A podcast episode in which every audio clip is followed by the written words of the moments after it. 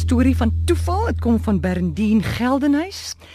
Sy sê 'n paar jaar terug is my kat deur my buurman geskop en sy voorbene is gebreek. Dit was vroeg aand en die veeartse was toe al toe. Vroeg die volgende oggend is ek met my kat by die ka, kat by die veearts en ek wag hom in. Hy het so na die breek gekyk en gesê dis 'n baie slegte breuk. Die kat sou 'n interne fiksasie moes kry en dit sou baie kos.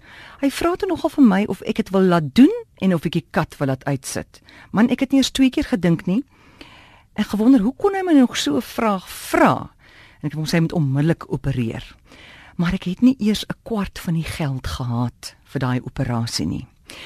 Die middag voordat ek toe nou veearts toe is, het ek gou die pos gaan uithaal.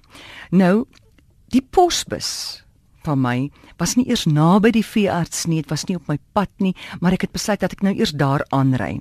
Nou in die pos het ek 'n koevert van die destydse pikke gekry. Ek het destyds buitemuurs deur hulle geswat en daai tyd kon mens nog cheques deur die pos kry wat nie wegraak nie. Ek het die koevert oopgemaak en daar was 'n cheque van presies die bedrag wat die veearts rekening sou wees. Jong, ek kon net bid en dankie sê. Dit was tog klasgeld wat ek op 'n stadium te veel betaal het.